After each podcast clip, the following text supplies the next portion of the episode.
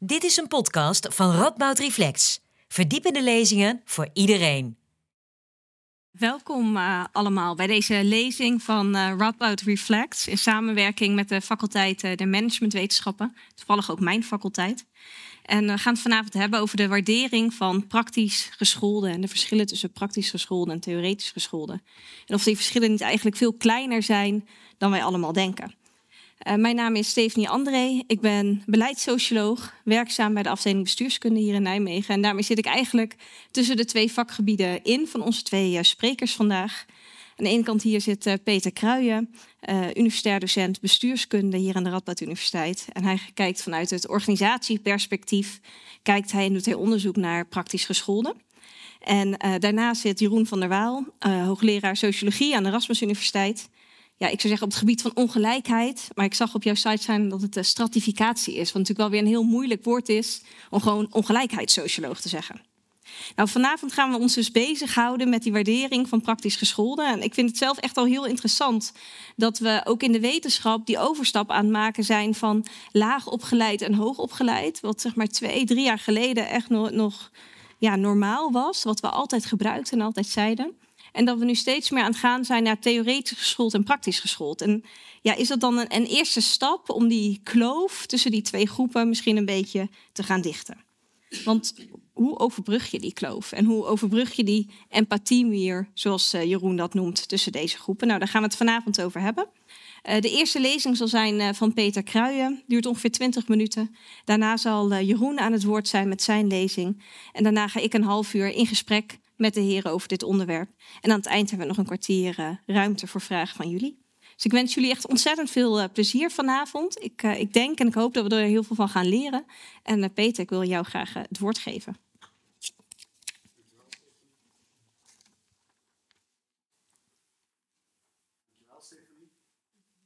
Goedenavond, mijn naam is Peter Kruijen. Ik ben bestuurskundige en eigenlijk ook zeer theoretisch geschoold ben uh, na mijn middelbare school universiteit gedaan, gepromoveerd en werk nu 11 jaar uh, hier als uh, bestuurskundige. Um, zelf eigenlijk ja, wel steeds waardering voor praktisch gescholden. Enerzijds omdat ik, ten eerste omdat ik helemaal niet praktisch ben ingesteld ook. Ik moet altijd drie keer zagen. Ik probeer het wel altijd. Ik probeer muurtjes te metselen, dat gaat altijd mis. Ik, ik ik doe ook thuis het huishouden en ik maak meer vlekken dat ik uh, opruim. De was verpest ik, maar ik doe het wel. Uh, en ten tweede, ik heb ook eigenlijk, als ik terugdenk naar mijn verleden, veel ervaring in de, uh, als, toch wel als praktische school. Ik heb acht jaar in een hotel gewerkt als keukenhulp, afwashulp, maar ook als kamermeisje. Dus ik was de enige man onder de kamermeisjes. En dat was eigenlijk, dus ik kan dat niet nu zeggen van uh, dat is waarom ik dit nu al bestudeer, maar ik denk dat het toch wel heeft uh, uh, geholpen. Um, ik ben bestuurskundige en in mijn vakgebied is het echt gebruikelijk om naar ambtenaren te kijken en dan ook naar kenniswerkers. Dus als wij onderzoek doen als bestuurskundige, dan kijken we naar ambtenaren naar die in de gemeentehuizen zitten, bij de provincies en bij de Rijksoverheid. En zo wordt in mijn vakgebied ook vaak gekeken naar dienstverlening. Als het gaat om dienstverlening, kijken we, zeggen we, zijn sommige bestuurskundigen zeggen, professionals, eh, hoger opgeleide, hè, dat zijn degenen die diensten verlenen. En soms hebben we het over praktisch gescholden, maar meer als een soort van variabelen die we even in ons onderzoek meenemen. En hopen dan maar dat er geen verschillen zijn tussen verschillende uh, uh, bevolkingsgroepen. En dan gaan we verder. En ik weet niet hoe het komt of waar het komt, maar twee jaar geleden ben ik gedacht van, hey, weet je wat, er is meer dan alleen maar die kenniswerkers. Um, eigenlijk volgens mij worden de meeste diensten geleverd in de publieke sector juist door de praktisch gescholden. Dus de vuilnismannen, de plantsoendienstmedewerkers, de buschauffeurs. En zodoende ben ik op dit onderwerp eigenlijk uh, uitgekomen. Uh, ik denk dat een theoretisch uh, verhaal Ik werd gewaarschuwd, maar niet theoretisch. Dus ik zal ook proberen, of ik, ik geef ook, neem jullie ook mee in mijn eigen onderzoek uh, hierin. Dus mijn onderzoek komt eigenlijk als bestuurskundige. En de laatste tijd ik, heb ik veel meegelopen met praktisch gescholden. Dus met buschauffeurs en met pensioendienstmedewerkers, um, uh, boswachters. Um, dat soort, in dat soort beroepen. En daar wil ik jullie ook wat voorbeelden van geven. Nou, uh, waar praat ik over? ehm, in mijn, mijn aanpak gaat het dus over die praktisch uh, gescholden. Dat is, kun je zeggen, dat is in eerste plaats een opleidingscategorie. Ehm, maar als ik in mijn eigen werk kijk, probeer ik dat nog wat te, te versmallen naar mensen die werken met hun handen, handenvuil worden. In Engels wordt soms gesproken van blue-collar workers. Uh, dus je maakt je handen vies. Ik maak mijn handen eigenlijk niet vies achter mijn bureau. Uh, kun je vergelijken met ambachtsmensen in min of meer routinematige-achtige settings. Waar ik zo meteen nog wat over wil vertellen op het einde. Maar het idee is, praktisch gescholden in zekere zin, doen werk waar weinig autonomie is en steeds dezelfde handelingen moeten worden verricht. En ik bekijk, zoals ik gezegd, als, als werknemers en niet als, als bevolkingsgroep. Nou, wat ik ehm, eh, vandaag in het artikel of in de presentatie stond kloof. Nou, waar, kun je die kloof zien tussen de theoretisch geschoolden en de praktisch geschoolden? En er zijn verschillende kloven te onderscheiden, denk ik. Um, de eerste is de beloningskloof. Als ik kijk naar uh, de, de, vergoeding van wat mensen krijgen financieel, praktisch geschoold ten opzichte van theoretisch geschoold, is het twee tot drie keer meer. Um, maar ook secundaire arbeidsvoorwaarden, beloning, zit een groot verschil. Uh, een heel concreet voorbeeld is, ik kan uh, thuiswerken wanneer ik dat wil. Uh, een buschauffeur kan dat niet. En zo zijn dat echt wel een groot verschil. Ik kan dus zorg verlenen wanneer ik dat wil. En een buschauffeur kan dat niet. Mantelzorg. Kloof ook in machtspositie. Want theoretisch geschoolden zijn vaak hoger in de hiërarchie, managementlagen praktisch geschoolden, de plantsoendienstmedewerkers, die, die, die, voeren uit. die mogen in principe die zeggen van we hebben niet, ja, we, we bepalen niet. Het wordt op de beleidsafdeling bepaald. Een andere kloof waar je nog kunt over hebben is de arbeidsrisicokloof. Mij kan als, nu ik hier sta, ik vrij weinig uh, gebeuren. De kans dat ik uh, levend hier vandaan kom is zeer groot als je kijkt waar de meeste de, de gevoelige punten liggen of de, de, de, fysieke problemen ontstaan, zijn bij, veel bij praktisch gescholden. En met name dus als je kijkt naar wat de arbeidsinspectie laat zien in de bouw, in de afvalindustrie, afvalverwerking en de landbouw. Um, echt een, kloof. En de laatste kloof, dus het is even niet hierbij, maar de laatste kloof is waar we het ook vanavond over hebben, is de waarderingskloof. Van hoe, waarde, hoe, waardevol vind je een bepaald type uh, beroep. En dan wordt ook onderzoek uh, gedaan en dan zien we dat juist de praktisch geschoolden minder gewaardeerd worden. En ook wordt gezegd, uh, gestigmatiseerd en minachting over deze bevolkingsgroep is.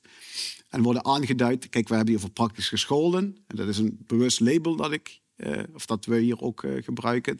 Maar over eenvoudige personeel, routinewerkers, uh, de simpele werknemers die werk doen waar je eigenlijk liever uh, als theoretische scholen niet meer in aanraking wil komen. Samen met Rowena Zweeds uh, doe ik onderzoek in krantartikelen. Zij zit daar. Onderzoeken we wat voor stereotyperingen er ook van vuilnismannen worden gebruikt. En zie je dat duidelijk terugkomen, dat is dirty work. Wij willen daar eigenlijk niks mee te maken hebben. Minachting. Bah, moeten we van afblijven.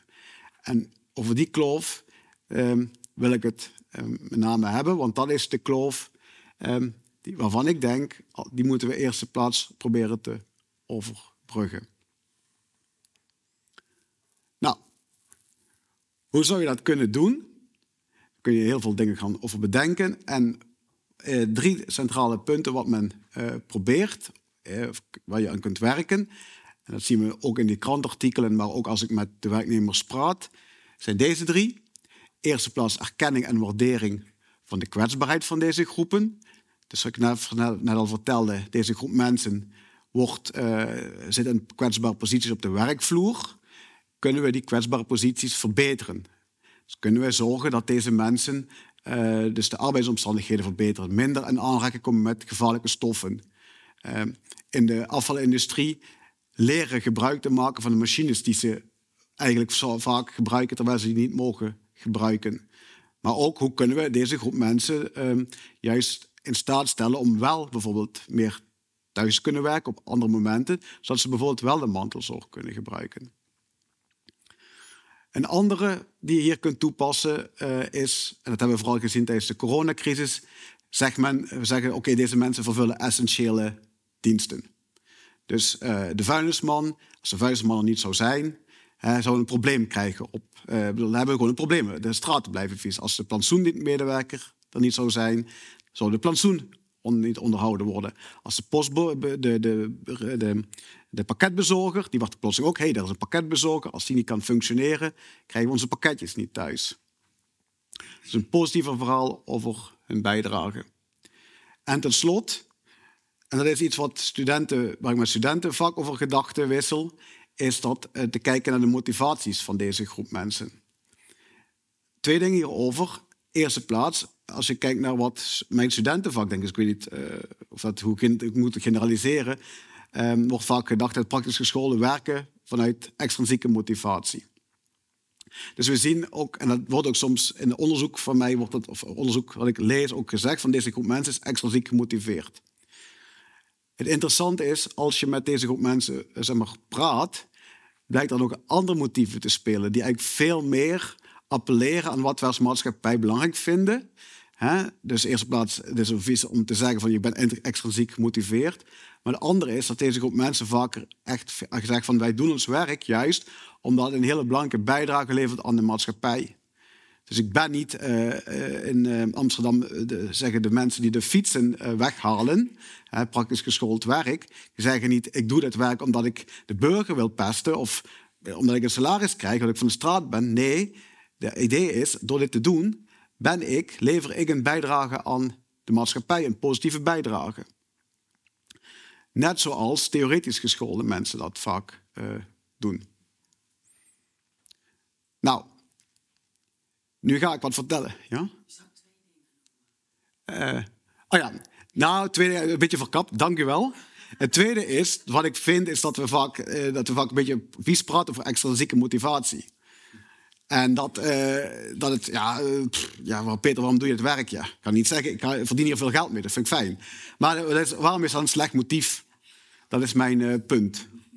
Yes. Dank je wel. En voor studenten vind ik dat, ik weet niet, wat is dat, dat, als ik dat vertel over hoe die arbeiders naar hun werk kijken als extrinsiek, sorry, als ook bijdrage, bijdrage leveren aan de maatschappij, echt wel een eye-opener.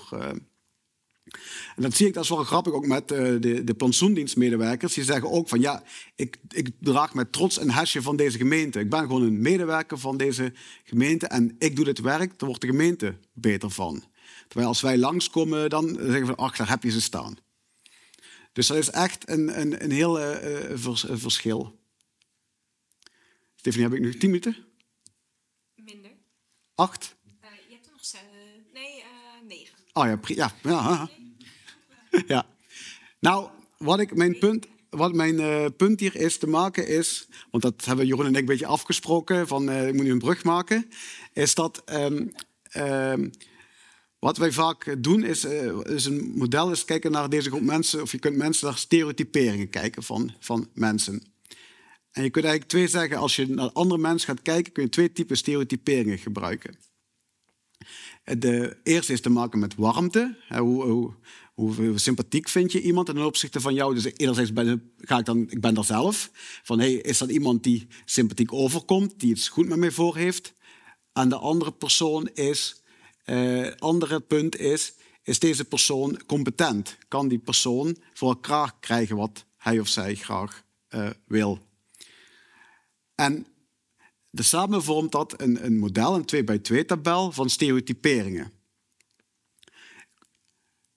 En um, de interessante is net, die dingen die ik probeer net te vertellen, ik hoop dat u mij hier kunt volgen, is dat uh, die stereotypering, die, we, die, of die, die bijdrage die we net proberen te zeggen, van oké, zo kun je de werk van de mensen verbeteren, hebben eigenlijk te maken met die warmtedimensie. Van hey, uh, deze mensen, uh, misschien zijn ze wel eenvoudige mensen, arbeiders, maar ze leveren positieve bijdrage aan de maatschappij.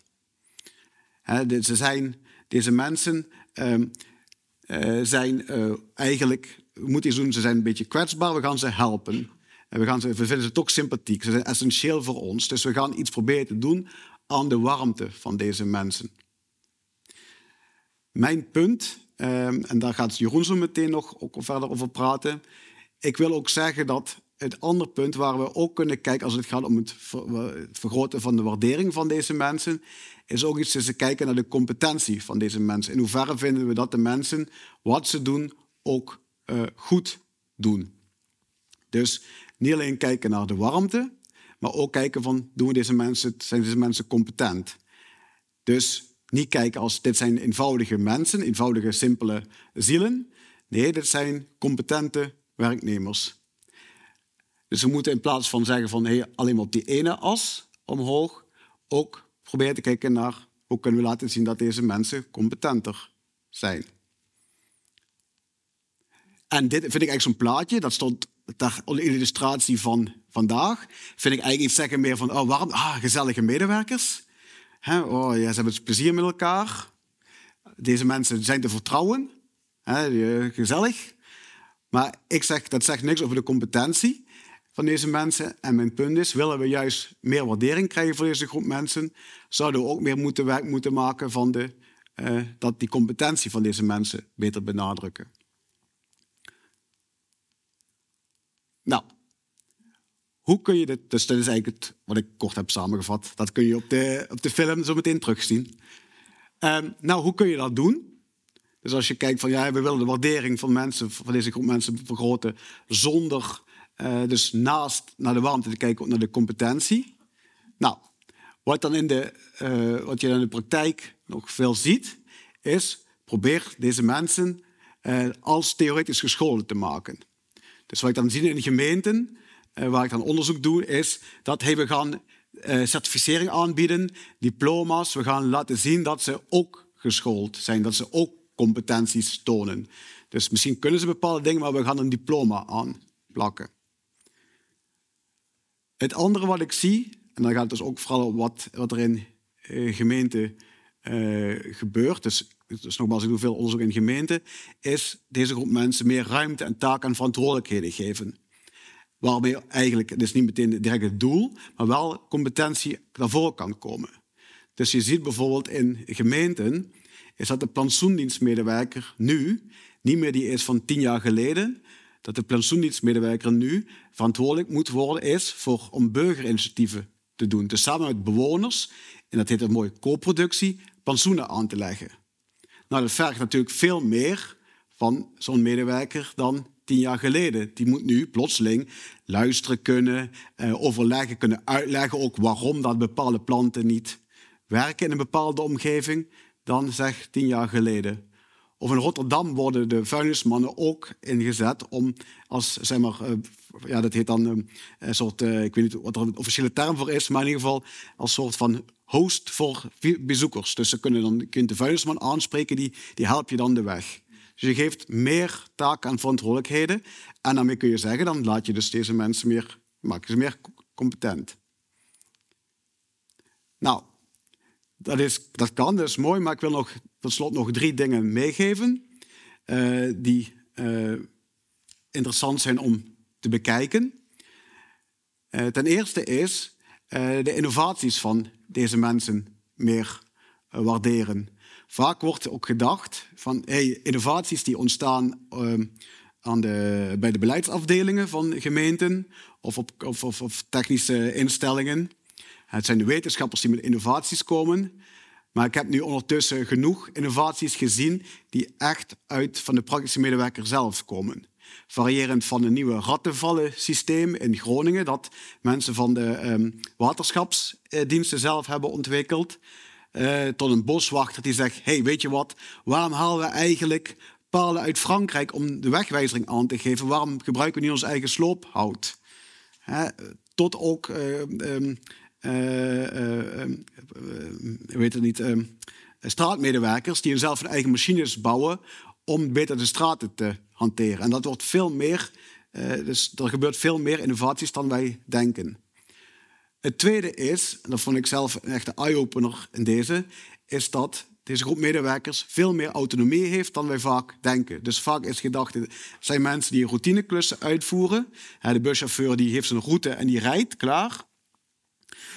Uh, maar de buschauffeur heeft veel meer autonomie dan wij, ja, ik zeg wij of ik, dan vaak denk. Want de buschauffeur die bepaalt of hij of zij vriendelijk is ten opzichte van een bepaald persoon, nog even wacht, uh, verder rijdt, uh, komt veel meer bij kijken, is veel minder routineus dan wij denken. Hetzelfde geldt voor de, degene die de pensioenen onderhoudt, is niet routine zo matig als wij vaak denken.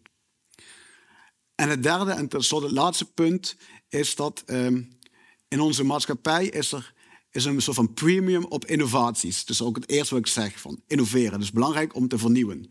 creatief te zijn, als je creatief bent, dat is fantastisch. En ik ben heel erg geïnspireerd door een, eigenlijk een feministische onderzoeker. En uh, hier zie je haar staan. Dat zit Mierle. Ik moet altijd ukulele. Daar achternaam ik weet niet precies hoe zij uh, van, ja, Maar deze mevrouw die zegt van... Ja, kijk, de maatschappij zou veel meer aandacht moeten hebben... of waardering voor het onderhoud van dingen. He, want je moet, kunt wel vernieuwen, maar die vernieuwing moet onderhouden worden. En zij komt uit de traditie van het waardering van het huishoudelijke taken, maar heeft dat ook toegepast op um, de vuilnismannen in New York. Van, en ze zeggen zo'n quote is ook van after the revolution, who's to clean the garbage?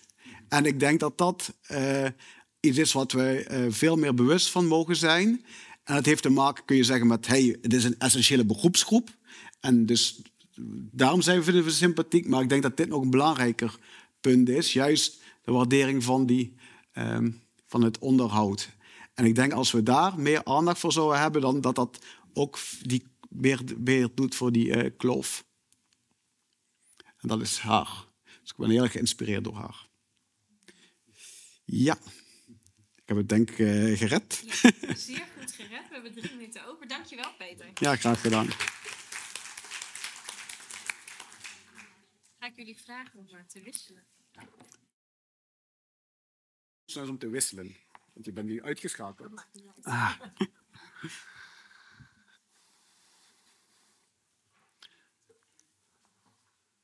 Goedenavond allemaal.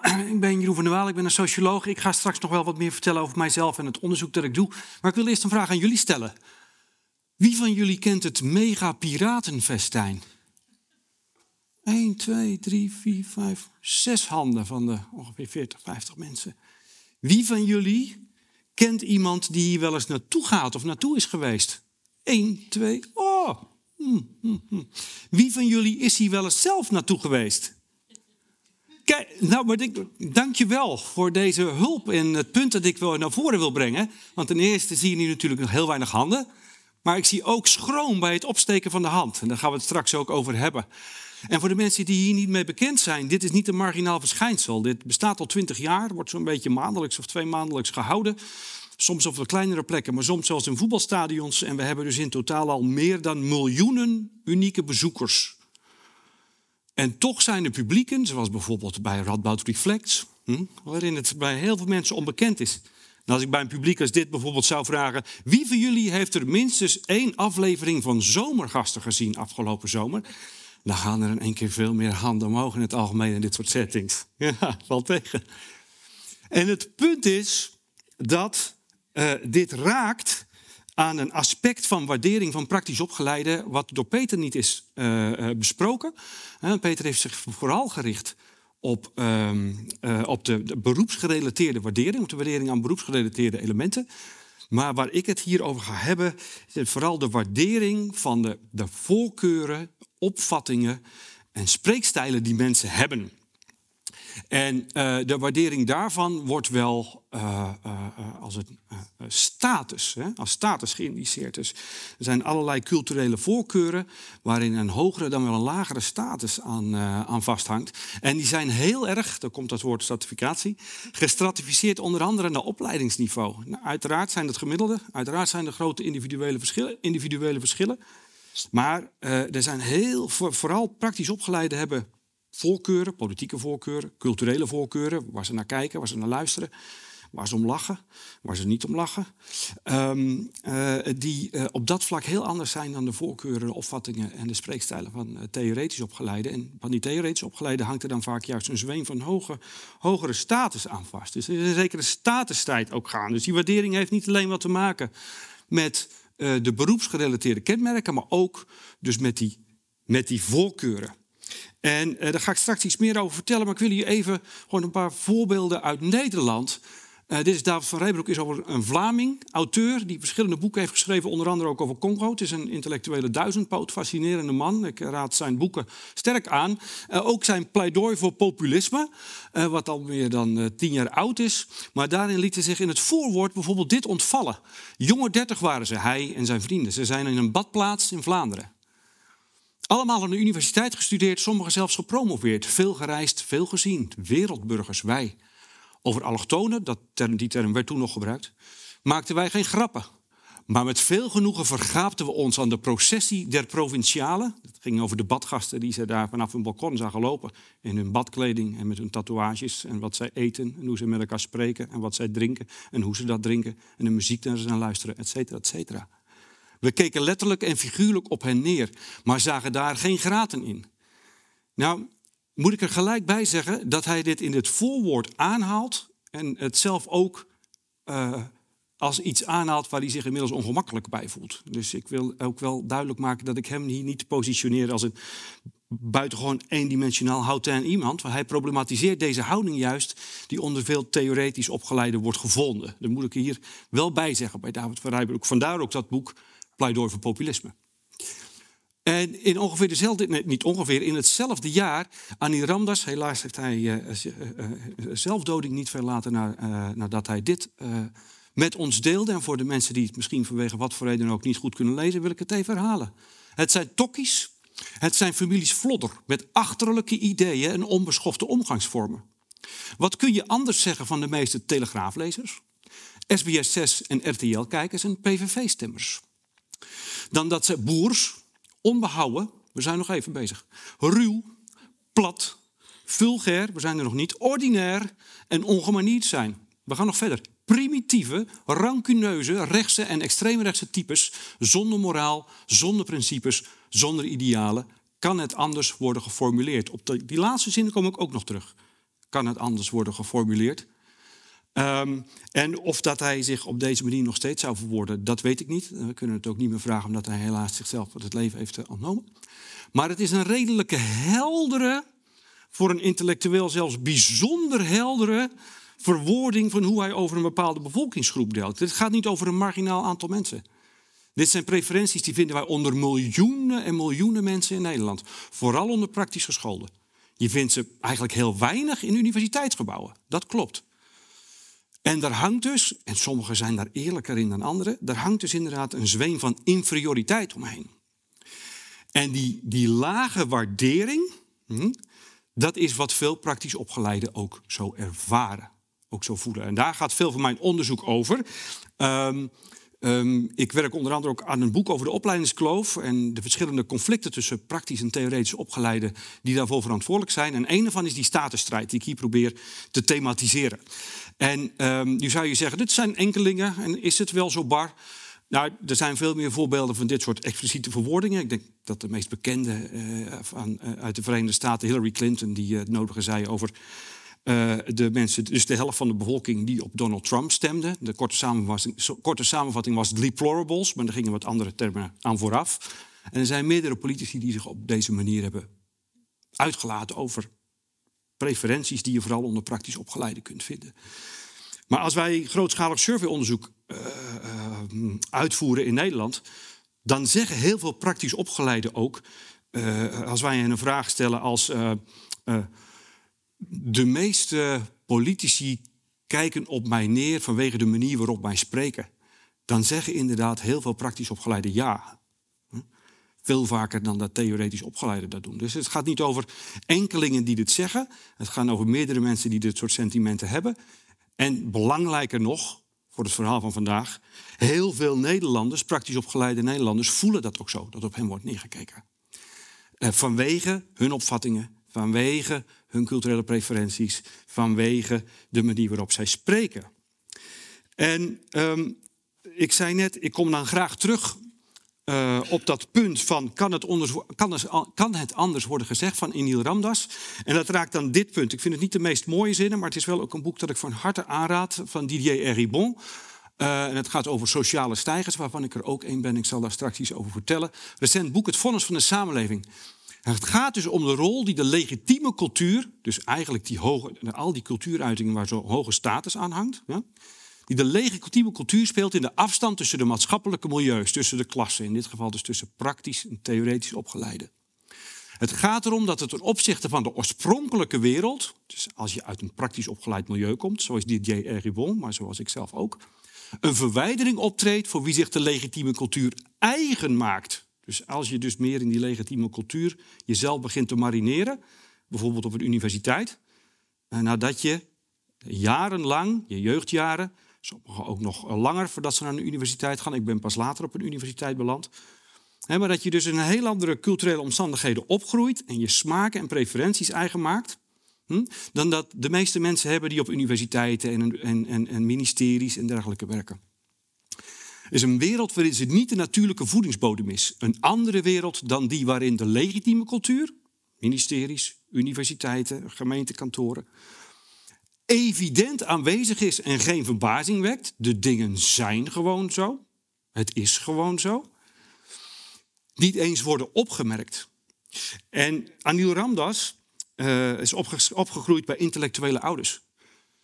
En dat hij bij intellectuele ouders is opgegroeid en dus zich allerlei voorkeuren heeft eigen gemaakt en ook een weerzin tegen de voorkeuren die eraan tegengesteld zijn, kun je hem op dat vlak ook niet kwalijk nemen. Want dat zijn, dat gaat sommigen misschien voor jullie teleurstellen, dat zijn geen rationele overwegingen waarom we allemaal dat soort smaken hebben. Dat maak je je eigen in het milieu waarin je opgroeit. Dat internaliseer je. Dat wordt vervolgens, dat kun je met allerlei mooie tests laten zien, zoals impliciete associaties. Dan ga je vervolgens ga je dat vanzelf ook vertonen. Bijvoorbeeld in sommige milieus schiet je vanzelf in de lach als er een hele foute grap wordt verteld. Ik zou het op een universiteit niet doen. Maar dat je daarvan automatisch in de lach schiet. En dat dat overigens gebeurt voordat je cognitief die grap hebt weten te, te, te, te verwerken. En dus denkt van, oh, maar dit is ongepast. Oh, dus ik kan niet lachen. Oh, dus ik hou mijn mond nu vlak. Dat moment is al lang gebeurd. En wat uh, DJ Eribon hier dus uh, benadrukt, dat je in het onderwijs, maar ik zou dat graag breder willen trekken, in allerlei formele instituties, denk ook in het politieke domein. Hè, dan hadden we het net ook over die politieke voorkeuren die langs kwamen, waar uh, Anil Ramdas ook zo over liep te smieren. Hm? Als, als je in een omgeving opgroeit waarin het plausibel is waarin je ouders, waarin de vrienden van je ouders, en later als je als arbeider, als je als praktisch opgeleide op de werkvloer, ook vooral met praktisch opgeleide in aanraking komt, waarin heel veel mensen ook dat soort voorkeuren hebben. En ik herken dat heel erg. Ik ben zelf uh, van de middelbare school afgetrapt, van twee eigenlijk. Uh, en uh, toen had ik nog niet eens de derde klas van de MAVO afgerond en toen ben ik gaan varen. Want dat deden jongens zonder een opleiding in de regio waar ik ben opgegroeid. Of straten maken. Um, en uh, toen heb ik tien jaar gevaren op de binnenvaart. En daarna heb ik nog vijf jaar gewerkt in de Rotterdamse haven in de vijf ploegendienst. Dus ik heb eigenlijk tot mijn dertigste, tot diep in mijn dertigste, dat geluid wat werd gehekeld door Annie Ramdas. En waar uh, uh, David van Rijbroek zo eerlijk over was dat hij daar in de tijd wat lachelijk over deed, is voor mij 30, 35 jaar de standaard geweest. Ik heb nu bestuurskundige collega's die schrikken als ze een stuk van mij en mijn collega's lezen waarin praktisch opgeleiden aan, uh, aan het woord komen over hoe zij over politici denken. En ik schrik dan, dan denk ik, hoe kun je nou vier jaar lang een sociaal-wetenschappelijke opleiding aan een universiteit doen en dan, hoe grofweg, 20, 30, 40, misschien wel 50 procent van de mensen op een dagelijkse manier spreekt over politici, hoe kun je daar dan op je 28ste over schrikken? Daar schrok ik dan weer van, dat dat nog voorkomt. En dat raakt ook aan het punt wat ik uh, ook nog met jullie aan wil halen. Kijk, die milieus waar je in opgroeit zijn heel erg bepalend voor, wat je, voor, je, voor je voorkeuren. En daarom worden ze ook geïnternaliseerd en vertoon je ze automatisch. Dat is veel minder doordacht dan dat we allemaal denken. En dat wordt nog versterkt omdat die groepen ook steeds meer uit elkaar groeien. Praktisch en theoretisch geschoolden zijn steeds meer gesegregeerd op de woningmarkt, op de arbeidsmarkt, waar we naar kijken, waar we op vakantie gaan, waar we naar luisteren. Bijvoorbeeld of dat je naar het Piratenfestival gaat of niet. Enzovoorts, enzovoorts. En dat wordt nog versterkt dat onder de witte bevolking, het leeuwendeel van de Nederlandse bevolking, is de sociale mobiliteit in onderwijs ook heel sterk gestokt. Dus waar decennia lang, vanwege de democratisering van het onderwijs, kinderen die opgroeiden bij praktisch opgeleide ouders, een deel daarvan ook naar de universiteit ging, dat is ook steeds en steeds minder het geval. En in Nederland is het ook zo dat wij heel vroeg selecteren. Tracking wordt er meestal in het Engels uh, voor gebruikt. Vanaf, voor de meeste mensen voor jullie evident, want zo zijn de dingen hier. Maar vanaf 12 word je al op verschillende paden, in verschillende paden van beroepsonderwijs richting gymnasiumachtig onderwijs. Er zijn landen, daar zit je nog tot je 16 of tot je 18e bij elkaar. En al die dingen bij elkaar opgeteld betekent dat praktisch en theoretisch opgeleide elkaar steeds, steeds, steeds minder tegenkomen. Een politicus van de middenpartij die ik een keer hierover sprak, die zei in Amsterdam-Noord, waar ik opgroeide, was het nog veel vroeger. Want weliswaar was dat een gemengde wijk, maar alle, en nu komen alle stereotypen langs, maar alle bakfietsouders die brachten hun kinderen na een school in een andere wijk. En alle niet-bakfietsouders of de praktisch opgeleide brachten hun kind naar de school in de wijk zelf. En dat begon dus al op vierjarige leeftijd. dus het gaat niet alleen om het verschil tussen twee groepen, maar het gaat om het verschil tussen twee groepen die steeds meer langs elkaar heen leven. En het gaat om een verschil tussen twee groepen uh, um, in voorkeuren die diep verinnerlijkt zijn door daar waar je opgroeit. Hm? En daar hangen vervolgens die statusconnotaties aan. Negatieve waardering voor al die culturele uitingen, die vooral praktisch opgeleide uh, uh, omarmen. En uh, een positieve waardering van al die culturele uitingen, die vooral door theoretisch opgeleide worden omarmd. En dat wordt vanwege die segregatie, die ik zojuist heb benadrukt, volgens mij steeds, steeds sterker. En dat is eigenlijk het voornaamste wat ik met jullie wilde delen. En wat ik eigenlijk niet zo goed heb begrepen, of misschien wel, maar dat Peter daar uh, uh, meer zijn best voor heeft gedaan. Is ook nog nadenken van hoe je hier nu, hoe je hier nu iets aan zou kunnen doen. En ik wil daar natuurlijk straks op reflecteren en met jullie over nadenken. Maar voor mij is het heel belangrijk in een, in een, in een, in een, in een lezing als dit, om te benadrukken van hoe diep geworteld die verschillen zijn en hoe moeilijk ze daardoor uh, te repareren. Er zit een zekere tragiek in. En ik denk vanuit het perspectief van theoretisch opgeleide, of je nou een universiteit werkt, of op een ministerie, of op een gemeentekantoor, is het begrijpen daar waar je misschien je wenkbrauwen voor optrekt of je neus voor ophaalt, dat dat niet een doordachte manier van doen is van iemand. en al helemaal niet om jou dwars te zitten, maar dat zij net als al die theoretisch opgeleiden, gewoon de dingen doen die ze zich hebben eigen gemaakt in het milieu van herkomst. Dat is denk ik het belangrijkste dat ik wilde vertellen. En ik ben ruim binnen de tijd, vermoed ik. Heel ruim. Hm. Dank je. Dank je wel. Hm. Nou, gaan wij daar.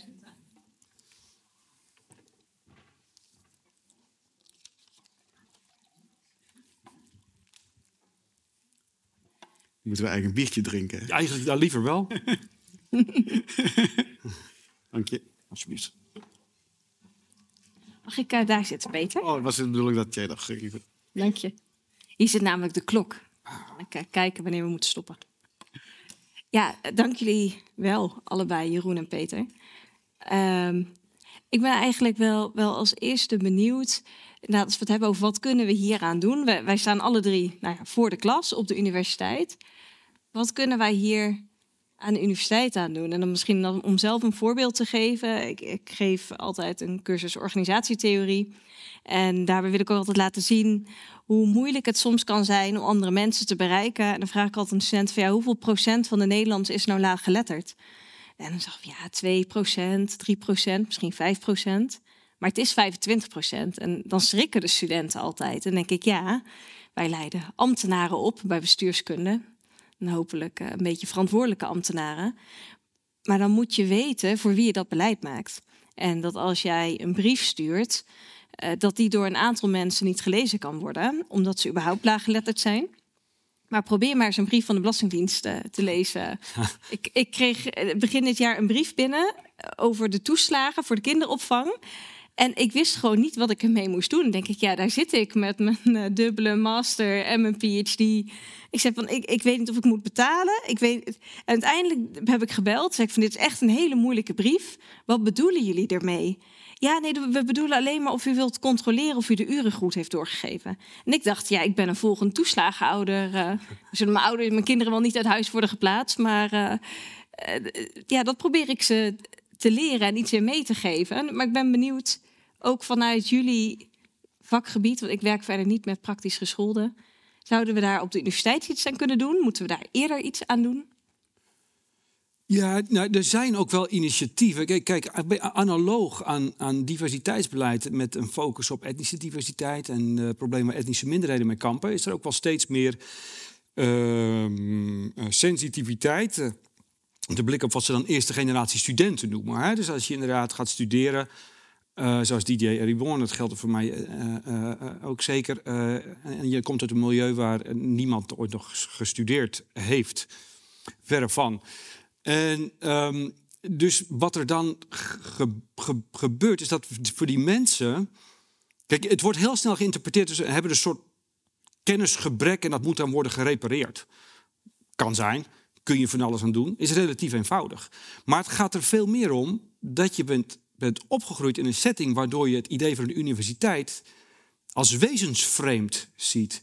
Waardoor je het gevoel hebt dat je daar ook eigenlijk helemaal niet thuis hoort. Als je vraagt aan praktisch opgeleide kinderen, jongen, eh, eh, tieners, of van ouders van praktisch op, die met ouders die praktisch opgeleid zijn, die vragen de universiteit. En zeggen ze ook dingen als: ja, dat is niet voor mensen zoals wij. En dat is dus niet van: ik ben niet slim genoeg. Dat is geen cognitie of intelligentie ding. Het is gewoon, ja, dat is, dat, is, dat is andere mensen die op een andere manier praten, die op een andere manier over de dingen denken. En die afstand, die moet je overbruggen. En eh, dat is zo moeilijk genoeg. Kijk, op het moment dat ze binnen zijn, is er natuurlijk al een heel traject afgelegd. En heel veel mensen zijn dan al ontmoedigd. Maar als ze eenmaal binnen zijn, ik zou zeggen, ja, ook tolerantie. dus als je het hebt bijvoorbeeld over spreekstijlen.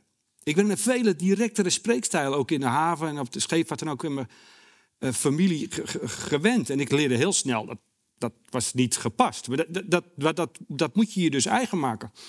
Ik heb bijvoorbeeld heel lang gedacht dat uh, toen ik uh, aan de universiteit ging werken zelf en mijn collega's, uh, met mijn collega's vergaderde, had ik heel vaak een beleving. Ik zei, de dingen interesseren hen volgens mij allemaal helemaal niet. Ze zijn helemaal niet zo betrokken. Dat zijn ze wel hoor. Dat zijn ze wel. Want, wat, maar wat leer ik door de jaren heen, als ik dan in de haven op de scheepvaart, als daar dan, als iets niet, niet goed ging, nou, dat werd heel helder verwoord. Hm? En dat werd stevig verwoord. En dat was voor iedereen duidelijk dat het niet goed ging. En er was voor iedereen duidelijk dat er iets moest gebeuren. En dat is een, spreekstijl die ik altijd gewoon als evident. Hè, dan komt iets die evident wekte voor mij geen verbazing. Maar wat voor mij verbazing wekte, en wat ik door de hele jaren heb geleerd op een universiteit. Mijn collega's nemen heel veel dingen ook echt serieus. En als er iets moet worden aangepakt, zien zij dat ook en vinden ze ook dat er wordt. Maar dan zeggen ze: Oh, dat is uh, zorgelijk.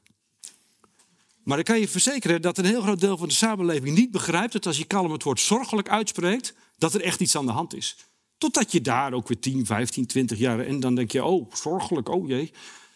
dat, is toch, dat gaat niet om grammatica, dat gaat niet om formele taalkennis, dat gaat om dat je de, een beetje de voeling moet krijgen voor hoe er over de dingen gesproken wordt. Dus ja, om je vraag. Vocabulaire kwestie misschien. Een vocabulaire. Maar dus als iemand iets net wat ruwer verwoordt in een collegezaal, dan kun je daar je wenkbrauwen over ophalen. Maar je kunt ook, en dat zou ik doen, en dat zou dan mijn opdracht zijn. Je kunt dan ook wat toleranter zijn, omdat sommigen, nu eenmaal dat hele gepolijste, gestileerde, zich niet hebben eigen gemaakt tot de plek waar ze zijn opgegroeid. Niet omdat ze slechter zijn, niet omdat ze dommer zijn, maar gewoon omdat hun wiegi anders, ergens anders stond, zoals mijn moeder het altijd uitdrukt. Ja. Ik moet uh, lachen. Ik speel zelf muziekinstrument. Dan, uh, dan kom ik ook, uh, zit ik ook in een dweilorkest. En dan, ja, piraten spelen ook piratenmuziek. Maar dat was een van de, de, de, ja, een van de praktische scholen die meespeelde. Die zei, ik heb ook op de universiteit gezeten. Ik zei, huh? huh? Ja, op het dak. Ja, ah. ja, maar dat is, een mooi, dat is zo'n mooi voorbeeld hier ook van. En ik vind het zelf ook... Ehm, ik heb het dus ook heel lang als, inderdaad, als een soort van variabele zeg maar, beschouwd, zoals ik het begin vertelde. Maar in mijn onderwijs probeer ik wel ook steeds uh, colleges aan dit onderwerp te richten. Zoals ik net ook vertelde over, uh, over dat, dat college over zingeving. Dat ik juist ehm, praat over zo die, die casuspak van die fietsenverwijderaars in Amsterdam. En dat, dat ik dan inderdaad merk dat ik in het begin is het ook ongemakkelijk om met studenten over te hebben. Of ik voel me ook een beetje ongemakkelijk, want ik denk van dat ga ik nu vertellen. Maar ik zie dat de studenten er ook, ja, dat, is een hele andere wereld. En toch, als je dat heel open benadert, dan, komen er toch, dan gaan mensen op een gegeven moment ook weer schakelen van... hé, hey, wacht, ik heb zelf toch een bepaalde ervaring gehad. Ik ben ook als praktisch geschoolde dingen gedaan. Of inderdaad, dat komt ook vooral van, inderdaad, van de eerste eh, generatie uh, weer uh, ook, ook boven.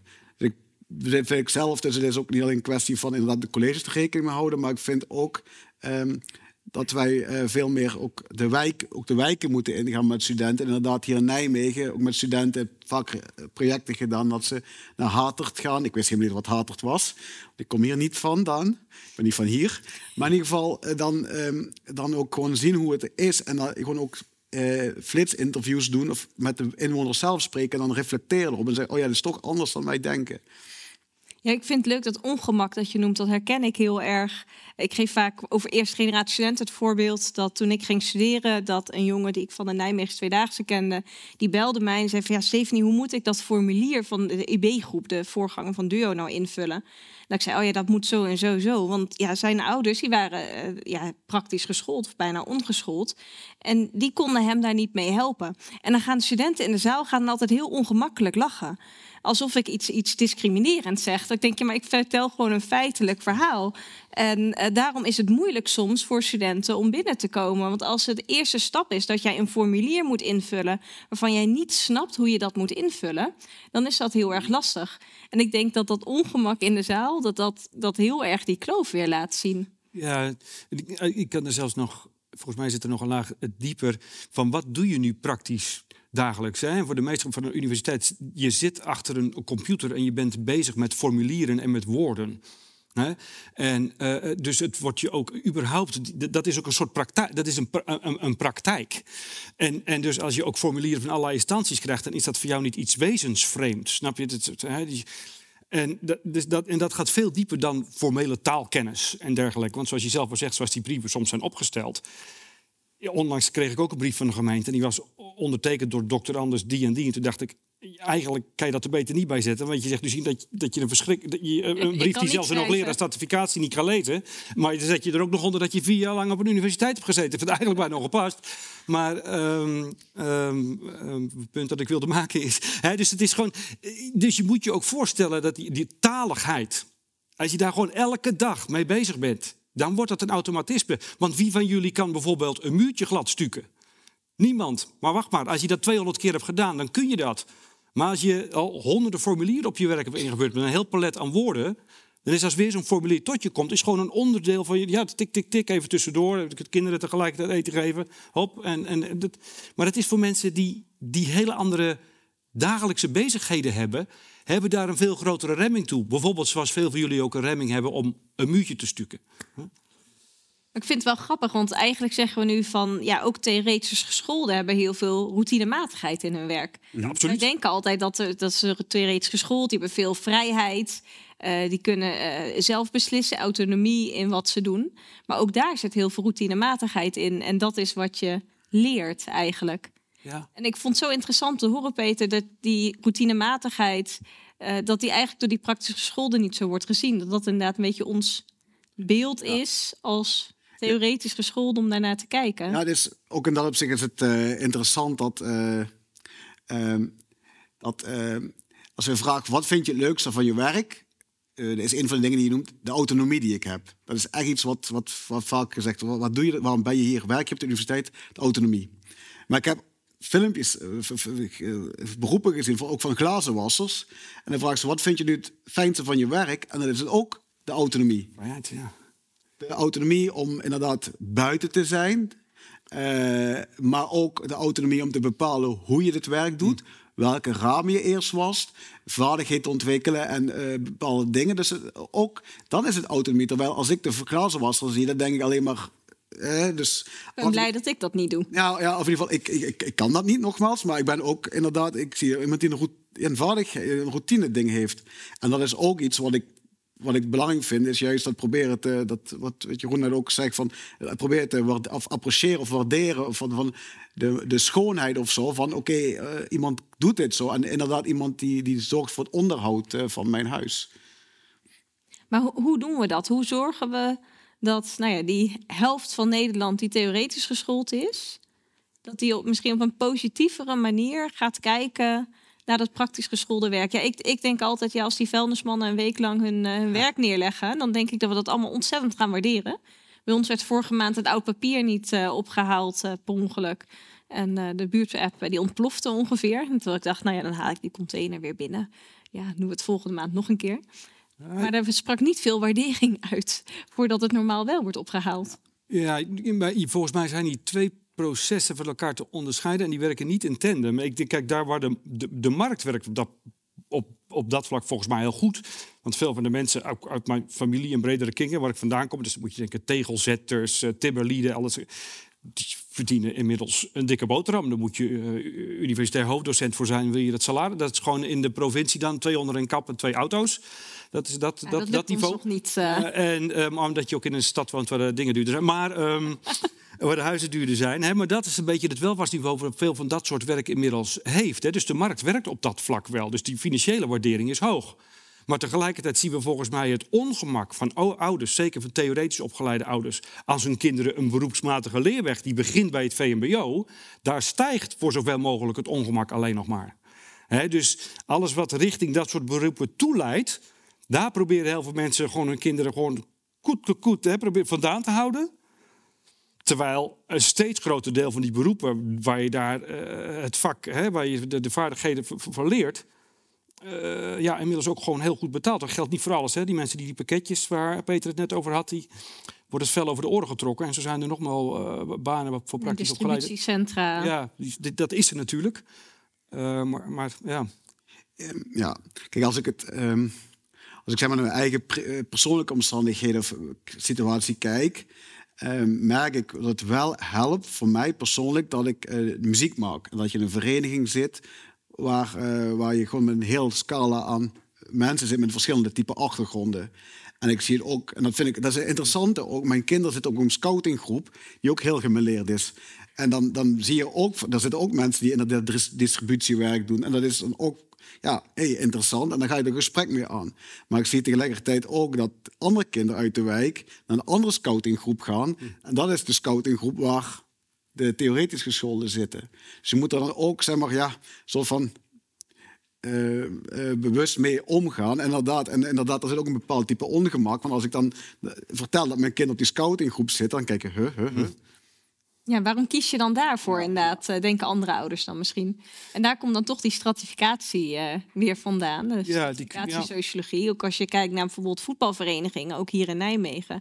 eh, zijn er clubs waarvan ik zeg van nou, daar hoeft mijn zoontje niet te spelen. En er zijn clubs waarvan ik zeg van nou, dat is prima. Maar ook die zijn heel erg gestratificeerd. absoluut. absoluut. En natuurlijk, kijk, dus met name in, grotere steden krijg je daar... Ik, ik, een wat kleinere gemeente heeft gewoon één voetbalvereniging. Ja, dus daar, gaat, daar gaan mensen van alle straten, om die termen te gebruiken, ga- ga- gaan daar naartoe. Maar je ziet inderdaad, zodra het een, een, een gemeente groter wordt, zie je gewoon diversificatie ontstaan. En daar gaat, daar, ja, dan kun je aan de naamgeving ervan al en de, en de, de kinderen die op de fiets zitten, eh, kun je al inschatten van welk type het is. Dat, dat er ook een hockeyclub bij de voetbalclub zit. eh, Ja. ja. En ook, dat zie je ook met scholen. Hè? Dus, eh, eh, we hebben hier bijvoorbeeld in Nijmegen we, eh, spreidingsbeleid. Dus je gaat in principe in een, naar de school in je buurt. Daar heb je voorrang op. Eh, maar heel veel ouders die kiezen dan eh, bijvoorbeeld ook, als ze dat kunnen, financieel gezien, een buurt waar een goede school staat. Dat was een hele mooie documentaire een tijd geleden, Witte Vlucht. En dan zie je inderdaad alle bakfietsen zo Neerbos Oost uitfietsen naar een andere wijk om hun kind daar op school te doen. Want ja, ze moeten vooral niet eh, met de, verder met de kinderen uit de wijk spelen. En, en, en dat is heel lastig, ook voor die scholen. Ik werk veel met die school in Neerbos Oost. Zeg van ja, wij zouden heel graag laten zien wat wij hier allemaal hebben. En juist omdat zij veel kinderen met eh, praktisch geschoolde ouders hebben, krijgen zij extra geld van de ministeries. Dus ze hebben daar een hoogbegaafde klas, fantastische leerlijn dyslexie. Eh, maar zeg van ja, die theoretisch geschoolde ouders komen niet naar ons toe. Daarom vinden ze dan weer leuk om, om met ons van de universiteit samen te werken, om dat ook weer te laten zien aan ouders. Die zijn daar heel hard mee bezig. Want ja, waar moet je andersoortige mensen anders nog ontmoeten? Als ook de voetbalclub ondertussen eh, een hoogopgeleide voetbalclub aan het worden is. Ja, nou ja, in het onderwijs zelf. hè, Er gaan natuurlijk stemmen op om in Nederland. Dat, dat is natuurlijk niet iets dat zomaar eh, kan worden veranderd. Hè, maar dat dus die, die, eh, die, die, die splitsing van kinderen. Niet al op een twaalfde, maar op een zestiende gebeurt. Want dat betekent het is gewoon dat kinderen van praktisch en theoretisch opgeleide ouders in ieder geval wat vaker nog bij elkaar zitten. Uh, ook in een cruciale periode van je, van je, van je leven. Dus, dus ja, daar, daar liggen bijvoorbeeld mogelijkheden. Maar het vraagt wel gelijk om hele grote... Hè? Hele grote stappen in de samenleving. Ja, ja, ik zie het wat dat betreft ja, eerder, die, wat ik net al noemde, die segregatie eerder toenemen dan, eh, dan afnemen. Ja. En, en, zouden we misschien een soort van overheidscampagne kunnen doen, uh, Peter? uh... Begin bij jezelf. Nee, ik merk wel. ja, nou ja, dat ik merk wel. 51. Ja, ja, Ik merk wel inderdaad dat, uh, ik weet niet, het is zo leuk om daar ook samen te reflecteren, maar ik probeer juist dat, met er wel zo nu bewust mee bezig ben, ook dat is, bedoel, um, te stimuleren. Ik merk gewoon, dus interessant, als ik ga naar opvoeding, dat er ook ehm, dat er, als we kennen, sommige ouders naar ons toe komen, die dan beginnen te vertellen over, ja, maar met die moet je niet gaan omgaan, want die zit in die wijk. Dat hele negatieve verhalen. En ik ben, wel, ben er wel bewust van, en juist probeert dat te doorbreken. Ga gewoon lekker spelen. En mijn punt, nou, volgens mij val ik er op terug, is verwonder je en om, omarm het. En ook inderdaad, ik bedoel, uh, mijn vrouw luistert heel erg naar piratenmuziek. Dit, en dan denkt van, jemig, maar ik ga proberen toch al mee te gaan, behalve Nick en Simon. maar Nick en Simon is mainstream volgens oh, mij sorry, tegenwoordig. Sorry, zijn ze nog bij elkaar? Volgens mij zijn ze ook niet. Ja, ze zijn uit elkaar. Eh. Ja, Acta en de Munnik zijn dan weer nu weer bij elkaar. Die waren heel lang uit elkaar en die zijn dan nu weer bij elkaar. Dat is het, eh, dat is het uh, ja. Maar ik denk, in de, in, waar ook een sleutel zit, maar dat is ook, dat is niet met een schaartje te knippen, zoals een collega aan de haven altijd tegen mij zei, als die iets uh, uh, iets pittig vond. Het die besmetting van het VMBO ook, die fascinerend is. Kijk, je één land naar het, naar het oosten, Duitsland, hè, waar je ook een heel ander soort meester-gezelrelatie al vrij jong kunt hebben. Als je een praktisch beroep gaat leren, daar hangt daar veel minder een soort negatieve zweem omheen. Maar hier, ja, je hoort mensen wel eens over praten dat ze bij, volgens mij, zij het minder probleem vinden als je kind polio krijgt en dat ze een VMBO gaat. Dan denk je, ja, wat, maar dat, dat leidt gewoon op tot een heel palet beroepen ook. Hè. Het sorteert voor op een heel palet beroepen waar je gewoon ook een, een, een goed in je levensonderhoud kunt voorzien en waar je eh, een prettige, prettige baan bij kunt hebben. Hè. Dus dat is, wel, dat is in Nederland wel heel sterk. En, dat, en, en daar ligt volgens mij wel de, de, de, de sleutel ook tot het probleem. Maar dat, ja, dat is ook niet iets wat je zomaar uh, kunt veranderen. Maar is dat dan ook de waardering van het vakmanschap, zoals jij dat noemt, Peter? Ja, nou, en ik denk ook wat, wat een mooie ontwikkeling in dit geheel is is uh, de, de behoefte die er is om de, de, de industrie weer hier te houden. Uh, um, dingen ook te repareren hier in de hmm. buurt. En misschien toch dat onderhoud hier te doen. Dat dat, denk ik wel, zo'n maatschappelijke ontwikkeling is. Waarvan je kunt vragen van ja, het heeft dat nu voor um, uh, misschien wel effect.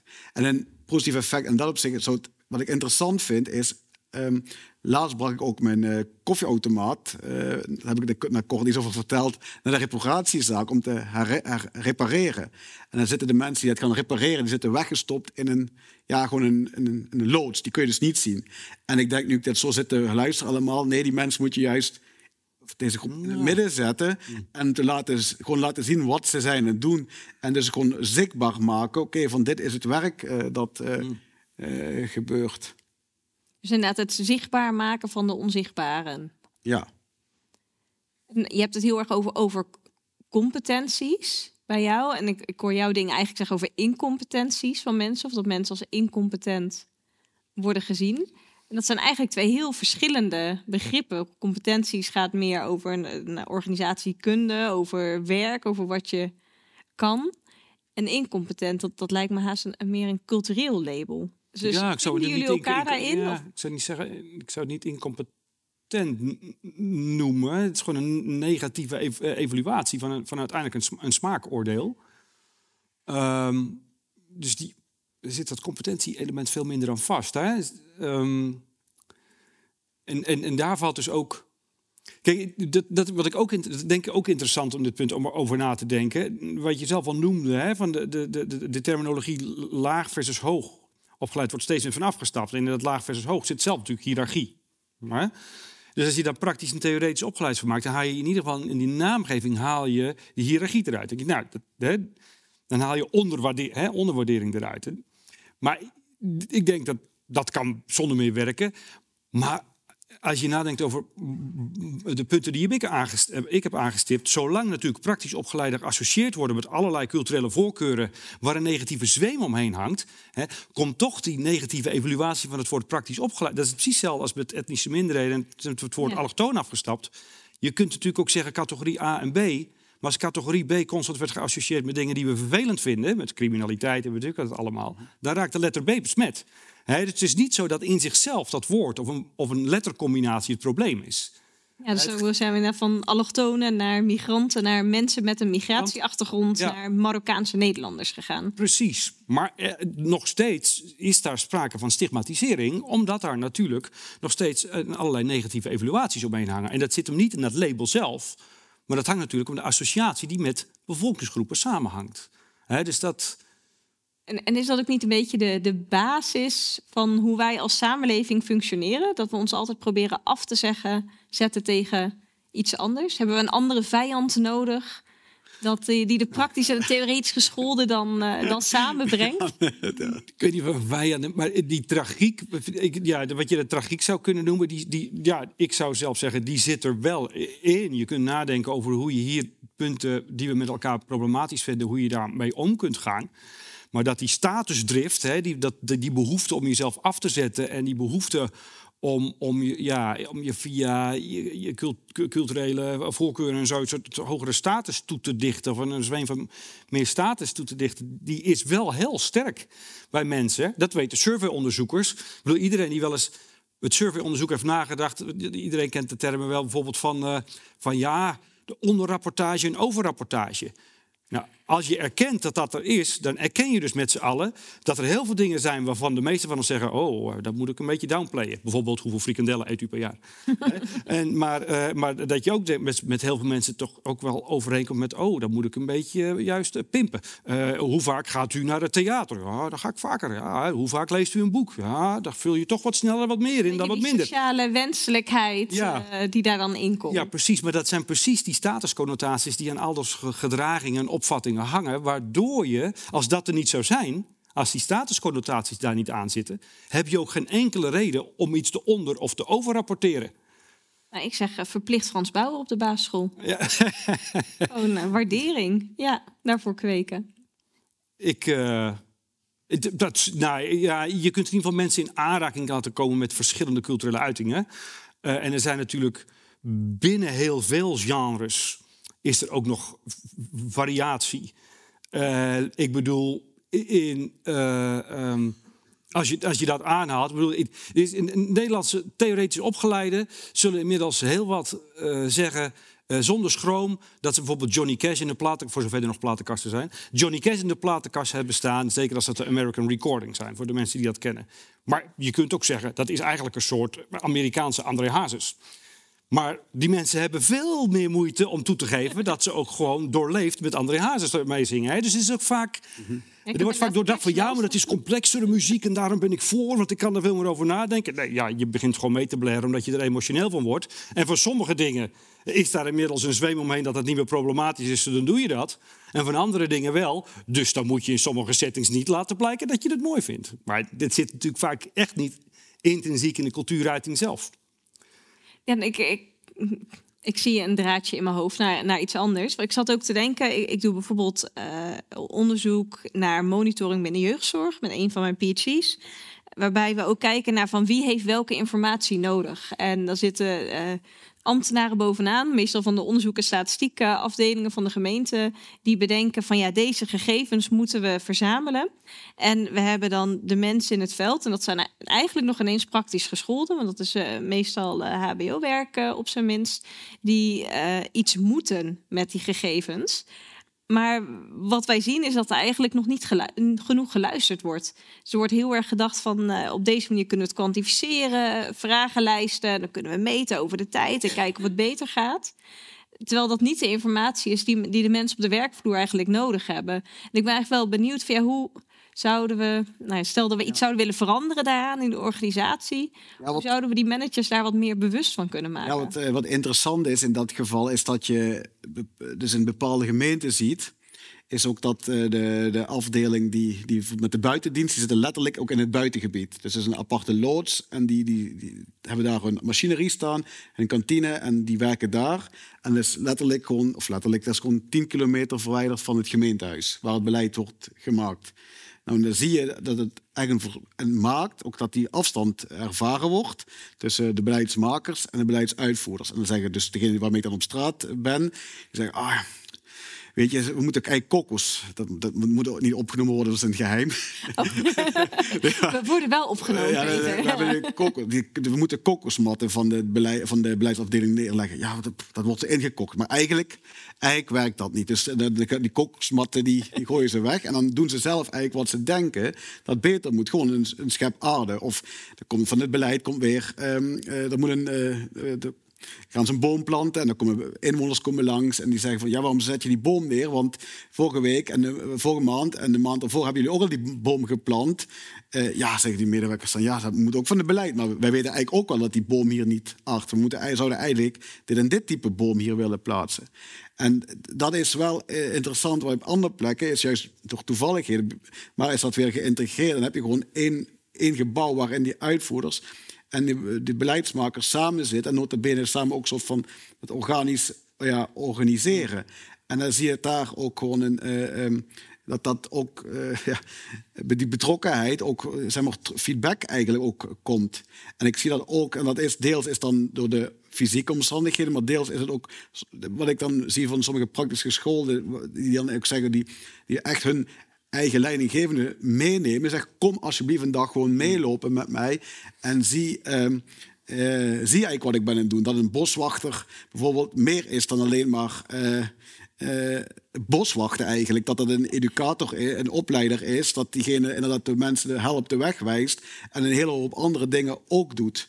En dat het ook zo is, want dat, dat vind ik ook zelf een leerzaam ding. Ook zelf mee te lopen. Dat vaak zie je ook, als het gaat om de gemeentewerkers, zie je één, uitvo- één, één, één, iemand doet het werk en er staan acht mensen omheen. En dat is altijd iets, ja, dat is, ja, hahaha, dan heb je die ambtenaren weer. maar, maar nu ik zelf, ik, ik, weet gewoon, ik heb dat, dat is vaak is het zo dat degene, er is een uitvoerder en de andere mensen komen eigenlijk vanuit de beschermde werkplek en die krijgen uh, een soort van hulp of die gaan moeten leren wat ze moeten doen. Dus die krijgen eigenlijk uitleg. En het is een opleiding. Het is een opleiding. En sindsdien vind ik het niet meer zo gek dat er ook veel mensen staan te kijken. En ja, ik stond er toen ook bij te kijken van, hé, hey, wat gebeurt nu hier? En hé, hey, oh ja, zo moet ik dat doen. En dan, dan is dat ook, dan, dan, dan ja, uh, daar krijg je ook meer uh, begrip voor. En, en ik, uh, het is ook dat juist ook die gemeentewerkers dat ook inzien. We zeggen, oké, als ik pauze heb, dan gaan we altijd zo van back-office doen. Dan gaan we in de busje zitten, dan gaan we ons verstoppen. Zodat de mensen ook niet, uh, dat het gewoon duidelijk is van, oké, om niet de indruk te maken te wekken, dat ze maar wat doen. Hmm. Maar goed, dwaal ik een beetje af. Het punt is. Maar dat maakt niet uit. het punt is juist dat, dat, dat actief laten zien waar je mee bezig bent. Um, en ook de politici dan ook, want dat geldt ook voor politici, bewust zijn van wat er wel en niet kan, veel meer kunnen luisteren. Maar ook de, de praktische scholen dus hier empowered mogen zijn om te zeggen ook wanneer iets niet werkt. En niet kunnen zeggen van, mm. uh, ja, uh, uh, zo zijn mensen maar beleid. Ja, ik vind het wel mooi dat dat actief luisteren, wat je noemt inderdaad. Ik zie ook gelijk zo'n aflevering van Secret Boss voor me. SPSS ben ik bang. Uh, dat mag in deze zaal waarschijnlijk niet. Maar dat ze inderdaad zo'n baas voor zo'n heel groot bedrijf dan op de werkvloer bij alle verschillende mensen langs gaat en erachter komt wat iedereen eigenlijk doet in dat bedrijf. En waar ze tegenaan lopen, wat soms heel makkelijk op te lossen is als je maar luistert. Ja, ja dus eigenlijk is het een voorbeeld van kleinschalig van het tegengaan van segregatie dus dat je gewoon met elkaar in aanraking komt en met, met van elkaar op, op de hoogte bent. En, en kijk, er is ook eh, heel veel beleid wat ook richting, vooral richting voor praktisch opgeleiden wordt gemaakt. dat zie je ook wel steeds meer. dat er ook gewoon praktisch opgeleiden bij wordt, worden, worden betrokken. Uh, omdat dus heel veel theoretisch opgeleiden die met de beste bedoelingen dat soort beleid maken, vaak gewoon die belevingswereld niet meer. Uh. Een voorbeeld hebben we een eigen onderzoeksgroep, wat we ook gezondheidsonderzoek. dan heb je ook uh, organisaties die zich bezighouden met dat de mensen gezonder uh, moeten eten. Want we zijn met z'n allen ongezond en we eten ongezond. En dat geldt voor praktisch opgeleiden nog meer. En als je dan kijkt op zo'n wet, bijvoorbeeld van een voedingscentrum. En er wordt met de beste bedoelingen wordt dat natuurlijk gemaakt. En dan denk ik, de, als ik naar die look and feel, druk je dat denk ik eigenlijk. Denk ik, nou, met deze look and feel denk ik aan een 35-jarige hoogopgeleide vrouw uit de Randstad. Ja, maar dat is de gezondste categorie zo'n beetje die er is. Want dan gaat het over geroosterde groene asperges. Die vind ik ook heel lekker. Maar voor een heel groot deel van de praktisch opgeleide zegt dat niks. Nog los dat ze ook nog behoorlijk duur zijn. En ik ben geen expert op gezondheid. Maar volgens mij is een sperzieboon zo'n beetje even gezond. En die kent iedereen. Wat is nou de bedoeling hier? Wil je mensen gezonder laten eten? Of wil je een soort glossy voor hoogopgeleide vrouwen uit de Randstad maken? Volgens mij dat eerste, maar je doet het tweede. Dat je een beetje de Linda van het voedingscentrum. Ja, een beetje de Linda van het voedingscentrum. Hè? Dus, dus, um, en dat, er hoeft maar één praktisch opgeleide, en zeker van buiten de Randstad, bij zo'n gesprek te zitten. En die zal gelijk zeggen, nou, ik heb er nog nooit van gehoord en ik heb het nog nooit geproefd. Ja, dus waarom probeer je mensen met mijn profiel hier op deze manier gezonder te laten eten? Ja, ik vind het ook heel interessant. Ik heb in februari was ik samen met Lars Stevenson bij het ministerie van de OCW. En wij presenteerden onze bevindingen over nou, hoe kun je op basisschool, basisscholen leerkrachten extra uren laten werken zonder dat de werk-privébalans daaronder uh, leidt. En, en er zaten 15 beleidsmedewerkers om ons heen. En uh, uh, allemaal hadden ze eigenlijk ja, sinds hun basisschooltijd nog nooit een basisschool gezien. Maar ze waren wel beleid aan het maken daarover. En ik denk dat ik dat ik was daar zo verbaasd over. En toen sprak ik daar met collega's over. Die zeiden van ja, maar weet jij dan niet hoe de overheid werkt? Want zo werkt de overheid. Je wordt daar neergezet om je competentie, maar niet om je relatie met het werkveld. En ik denk dat we daar dan misschien ook wel heel veel zouden kunnen bereiken. Als dat, dat veel meer een onderdeel is nou ja, van onze opleidingen uh, die wij geven. Maar ook van als we dit in het werkveld doen. Ja, ik wil jullie allemaal heel erg bedanken voor het komen, voor de leuke vragen. En ik wil Peter en Jeroen bedanken voor een prachtige lezingen. Dank jullie wel. Dank jullie wel.